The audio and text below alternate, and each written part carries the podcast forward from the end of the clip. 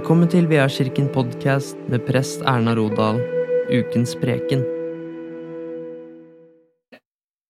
Vel møtt og god søndag. Vi er kommet til treenighetssøndagen, og prekenteksten er hentet fra evangeliet etter Lukas, kapittel 10, og jeg skal lese fra versene 21 til 24. Og har du en bibel i nærheten, kan du gjerne lese sammen med meg. I samme stund jublet han i Den hellige ånd og sa, Jeg priser deg, Far, himmelens og jordens Herre, fordi du har skjult dette for vise og forstandige, men åpenbart det for umyndige små. Ja, Far, for dette var din gode vilje. Alt har min Far overgitt til meg, Ingen vet hvem Sønnen er unntatt Faderen, og ingen vet hvem Faderen er unntatt Sønnen, og den som Sønnen vil åpenbare det for. Da de var alene, vendte han seg til disiplene og sa, Salige er de øyne som ser det dere ser, for jeg sier dere, mange profeter og konger ville gjerne se det som dere ser, men fikk ikke se det og høre det som dere hører, men fikk ikke høre det. Slik lyder det hellige evangelium. Vi har nettopp feira pinse, ei feiring som markerer at Den hellige ånd kom til oss, som Jesus hadde lovt. Den hellige ånd, tredje person i guddommen. Det betyr ikke at vi tror på tre guder, vi tror på én Gud som opptrer i tre ulike roller. Faderen, Sønnen og Ånden. Shemeo Israel, Adonai Elohino, Adonai Echad. Hør Israel, Herren er vår Gud, Herren er én. Det står det i Femte Mosebok, seks og vers fire.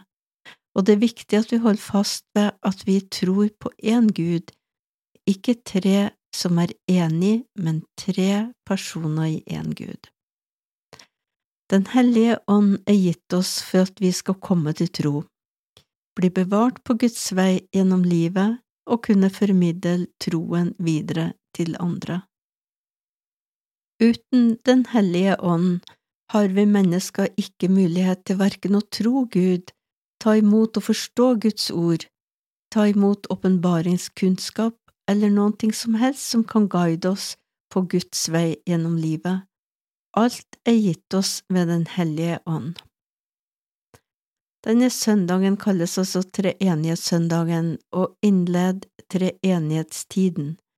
Treenighetstiden er kirkens liv og vekst, som frukt av Den hellige ånds gjerning som fokus.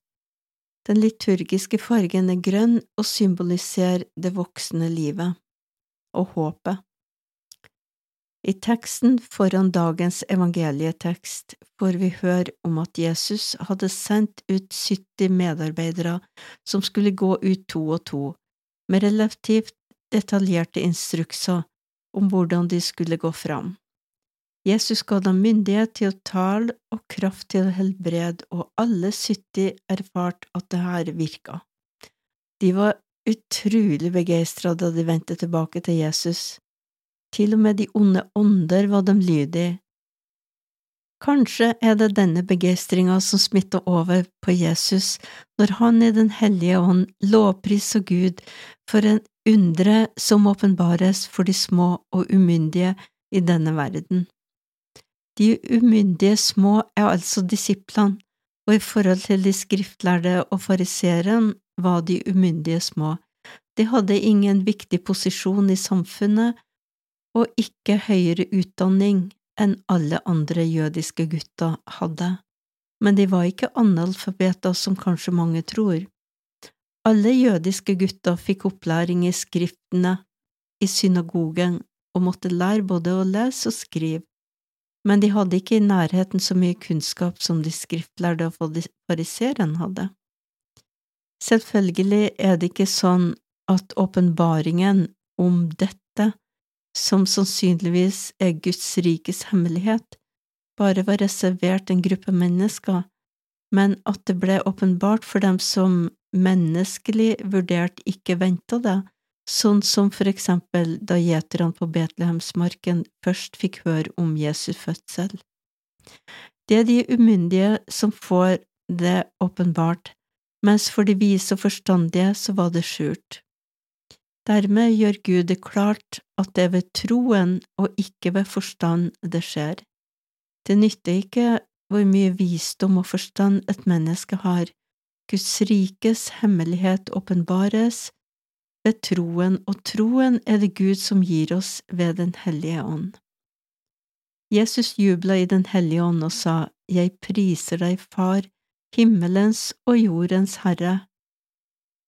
I det ene bibelverset er hele treenigheten til stede. Jesus priser Gud, Faderen, i Den hellige ånd.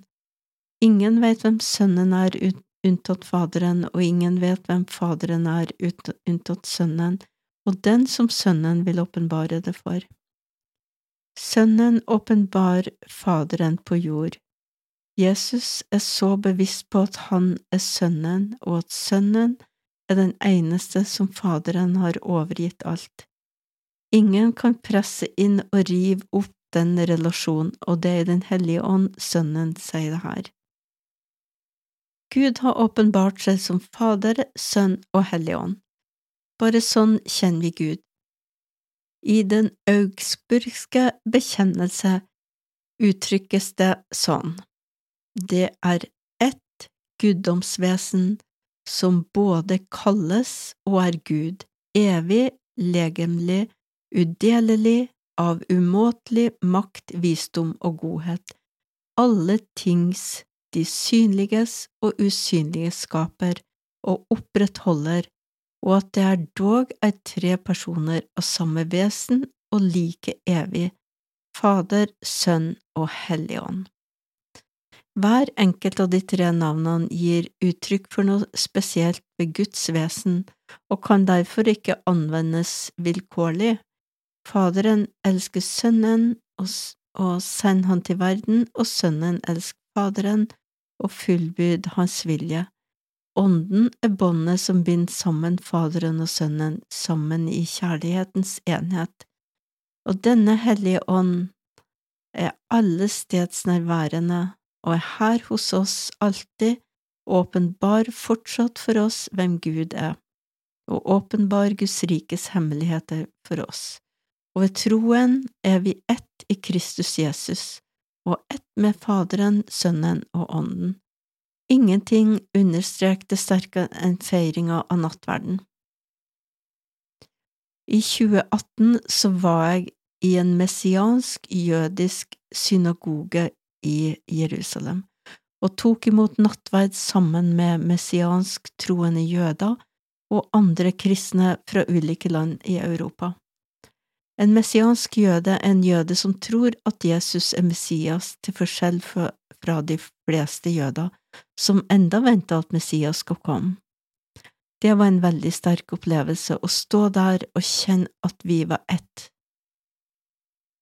Her var vi ett i Kristus Jesus, og det er det som til syvende og sist teller, ikke om vi er jøde eller greker, pinsevenn eller påskevenn eller misjonsvenn eller noe annet, men at vi er ett i Kristus Jesus, ett med Gud og ett med hverandre. Ære være Faderen og Sønnen og Den hellige ånd, som var, er og blir, en sann Gud fra evighet og til evighet. Amen. Ta imot velsignelsen. Herren velsigne deg og bevare deg, Herren la sitt ansikt lyse over deg og være deg nådig, Herren løfte sitt ansikt mot deg og gir deg fred.